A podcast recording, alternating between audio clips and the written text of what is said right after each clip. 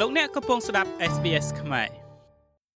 ចាស់ពិធីបុណ្យចូលឆ្នាំថ្មីប្រពៃណីជនជាតិចិនវៀតណាមនៅឆ្នាំនេះគឺចាប់ផ្ដើមឡើងនៅថ្ងៃទី1ខែកុម្ភៈឆ្នាំ2022ដែលត្រូវនឹងឆ្នាំខាលឬឆ្នាំនៃសត្វខ្លាតើវាមានន័យយ៉ាងណាខ្លះនោះ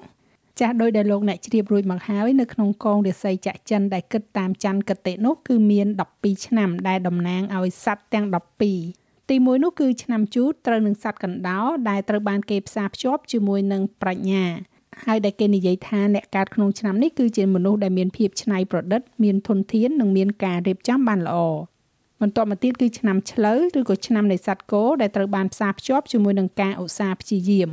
ហើយអ្នកដែលកើតនៅក្នុងឆ្នាំនេះត្រូវបានគេនិយាយថាជាមនុស្សរឹងមាំអាចពឹងពាក់បាននិងមានការបដិញ្ញា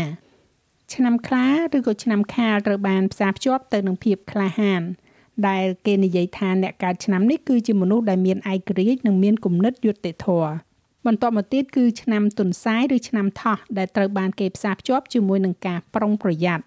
អ្នកកាត់ឆ្នាំនេះត្រូវបានគេចាត់ទុកថាជាមនុស្សដែលមានការគិតគូរនិងមានភាពកក់ក្ដៅឆ្នាំនាគឬក៏ឆ្នាំរោងត្រូវបានផ្សារភ្ជាប់ជាមួយនឹងកម្លាំងដែលអ្នកទាំងឡាយណាកើតនៅក្នុងឆ្នាំនេះ គឺជាអ្នកដែលទំនងជាធ្វើការចោះសម្រុងជាមួយនឹងអ្នកដតីក៏ប៉ុន្តែក៏ងាយនឹងគិតច្រើនពេកដែរឆ្នាំពោះឬក៏ឆ្នាំម្សាញ់ត្រូវបានផ្សារភ្ជាប់ជាមួយនឹងភាពបត់បែនដែលមើលទៅអាចនឹងសោះអង្គើយប៉ុន្តែក៏មានការគិតរហ័សនិងការសម្រេចចិត្តខ្ពស់ឆ្នាំសេះឬឆ្នាំមមីត្រូវបានផ្សារភ្ជាប់ជាមួយនឹងការតស៊ូដែលអាចជាមនុស្សឆាប់ខឹងឆេវឆាវដែលធ្វើឲ្យពួកគេប្រែប្រួលទៅតាមអារម្មណ៍នៅពេលណាមួយ ឆ្នាំមមេឬក៏ឆ្នាំពពេមានទំនាក់ទំនងជាមួយនឹងសន្តិភាព ជាមនុស្សដែលច្រើនតែមានចិត្តសប្បុរសនិងចូលចិត្តខ្សែគប់មិត្តភ័ក្តិឆ្នាំស្វាឬឆ្នាំវោកត្រូវបានផ្សារភ្ជាប់ជាមួយនឹងភាពឆ្លាតវៃដែលអ្នកកើតក្នុងឆ្នាំនេះជួនកាលអាចមានភាពក្រអឺតក្រទមនិងគិតតែពីខ្លួនឯងឆ្នាំរកាឬឆ្នាំមន់ត្រូវបានផ្សារភ្ជាប់ជាមួយនឹងភាពនឹងណោ អ្នកកើតឆ្នាំនេះត្រូវបានគេនិយាយថាជាមនុស្សខិតខំធ្វើការប៉ុន្តែឲ្យតម្លៃលើសេរីភាពរបស់ពួកគេ ឆ្នាំចឬឆ្នាំឆ្កែត្រូវបានផ្សារភ្ជាប់ជាមួយនឹងភាពស្មោះត្រង់អ្នកដែលកើតនៅក្នុងឆ្នាំនេះត្រូវបានគេគិតថាជាអ្នកដែលពូកែសង្កេតនិងអាចទុកចិត្តបាន ហើយចុងក្រោយគេនោះគឺឆ្នាំកុលឬក៏ឆ្នាំជ្រូកត្រូវបានគេផ្សារភ្ជាប់ជាមួយនឹងភាពស្និទ្ធស្នាលការរាប់អានមិត្តភ័ក្តិ ហើយអ្នកដែលកើតក្នុងឆ្នាំនេះអាចជាមនុស្សសម្ភារៈនិយមប៉ុន្តែប្រហែលជាមិនសូវទទួលខុសត្រូវលើប្រកាសរបស់ខ្លួននោះទេទោះជាយ៉ាងណាក៏ដោយលោកគ្រូហុងស៊ុយនឹងជាអ្នកផ្ដល់ប្រឹក្សាលោកទីនយងបានបញ្យល់ថាមិនថាលោកអ្នកកើតឆ្នាំណានោះទេ ឆ្នាំខាលនឹងនាំមកនៅការផ្លាស់ប្ដូរចំពោះការធ្វើដំណើរ លោកថាខែសីហាគឺជាខែនៃសត្វស្វាហើយសត្វស្វានិងសត្វខ្លាដាស់គ្នាទៅវិញទៅមកដូច្នេះដួងតារានៃការធ្វើដំណើរឬក៏ធម៌ពលនៃការធ្វើដំណើរនឹងរះខ្លាំងឡើងលោកនិយាយទៀតថាការព្យាកររបស់លោកគឺថានៅក្នុងខែកក្កដាឬខែសីហាខាងមុខនេះការធ្វើដំណើរនឹងកើតឡើងវិញកាន់តែច្រើន។ហើយឆ្នាំខាលក្នុងឆ្នាំ2022នេះគឺត្រូវនឹងធាតុទឹក លោកលោកទីនពន្យល់ថាទឹកបង្ហាញពីការភ័យខ្លាចនេះហើយជាហេតុផលដែលថាការធ្វើដំណើរទំនងជានឹងមិនចាប់ផ្ដើមនោះទេរហូតដល់ឆមាសទី2នៃឆ្នាំនេះនៅពេលដែលការធ្វើដំណើរចាប់ផ្ដើមបន្តឡើងវិញលោកលោកទីនទាយថានឹងនាំមកនៅសេចក្តីរីករាយលោកថាឆ្នាំខ្លាក៏ជាកន្លែងកំណើតនៃភ្លើងផងដែរដូច្នេះធម្មពលភ្លើងគឺជាសេចក្តីរីករាយនិងសុភមង្គលចាប់តាំងពីឆ្នាំនេះទៅសុភមង្គលនឹងកើតឡើងវិញ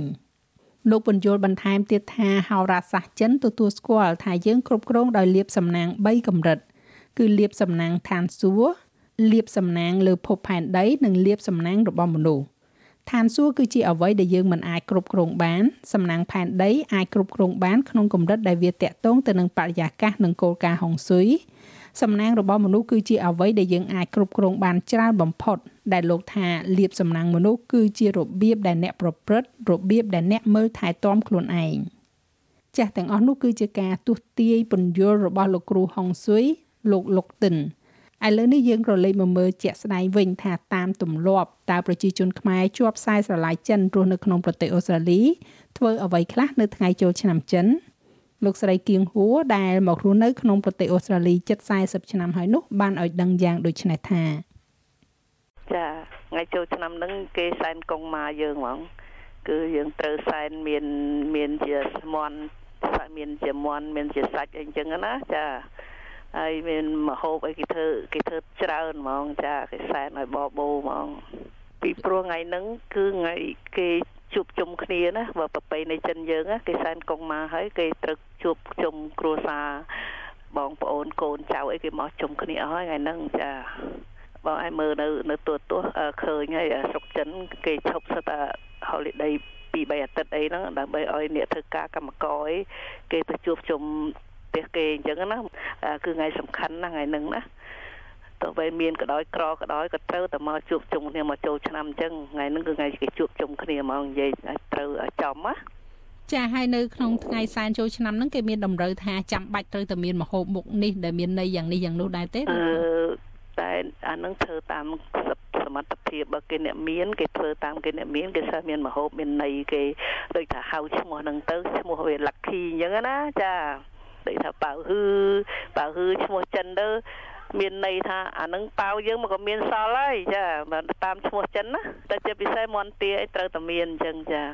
ទៅខ្ញុំទៅធ្វើអីហើយទៅដល់ដល់ម៉ោង6កូនចៅក៏ចេញពីធ្វើការអញ្ចឹងទៅមកទៅយើងសែនហើយយើងញ៉ាំជុំគ្នាទៅណាញ៉ាំញ៉ាំអីហើយទៅយប់ឡើងក៏គេទៅវត្តទៅអីទៅណាទៅវត្តចិនគេមានធ្វើបុណ្យនោះយប់ឡើងវត្តចិនគេមានសែនមានអីណា ចាចាយើងទៅវត្តចិនទៅទៅអុជធូបទៅ ដើម្បីគេទៅអុជធូបនឹងពីព្រោះយើងទៅអាយុហ្នឹងយប់ម៉ោង2:10ដល់ចូលម៉ោង1ភ្លឹបគេមានសែននៅវត្តណាយើងសែនដូចគេទៅទទួលទេវតាឆ្នាំថ្មីអញ្ចឹងណាទួលយកលៀបណាចាហើយចូលដល់ថ្ងៃមកកើតហ្នឹងមកកើតអត់ទេខ្ញុំមួយឆ្នាំឈប់មួយថ្ងៃគឺឈប់ថ្ងៃហ្នឹងមួយថ្ងៃថ្ងៃហ្នឹងខ្ញុំបើតាមប្រពៃណីគេថ្ងៃហ្នឹងគេត្រូវដើរដើរទៅលេងផ្ទះបងប្អូនអញ្ចឹងណា ចា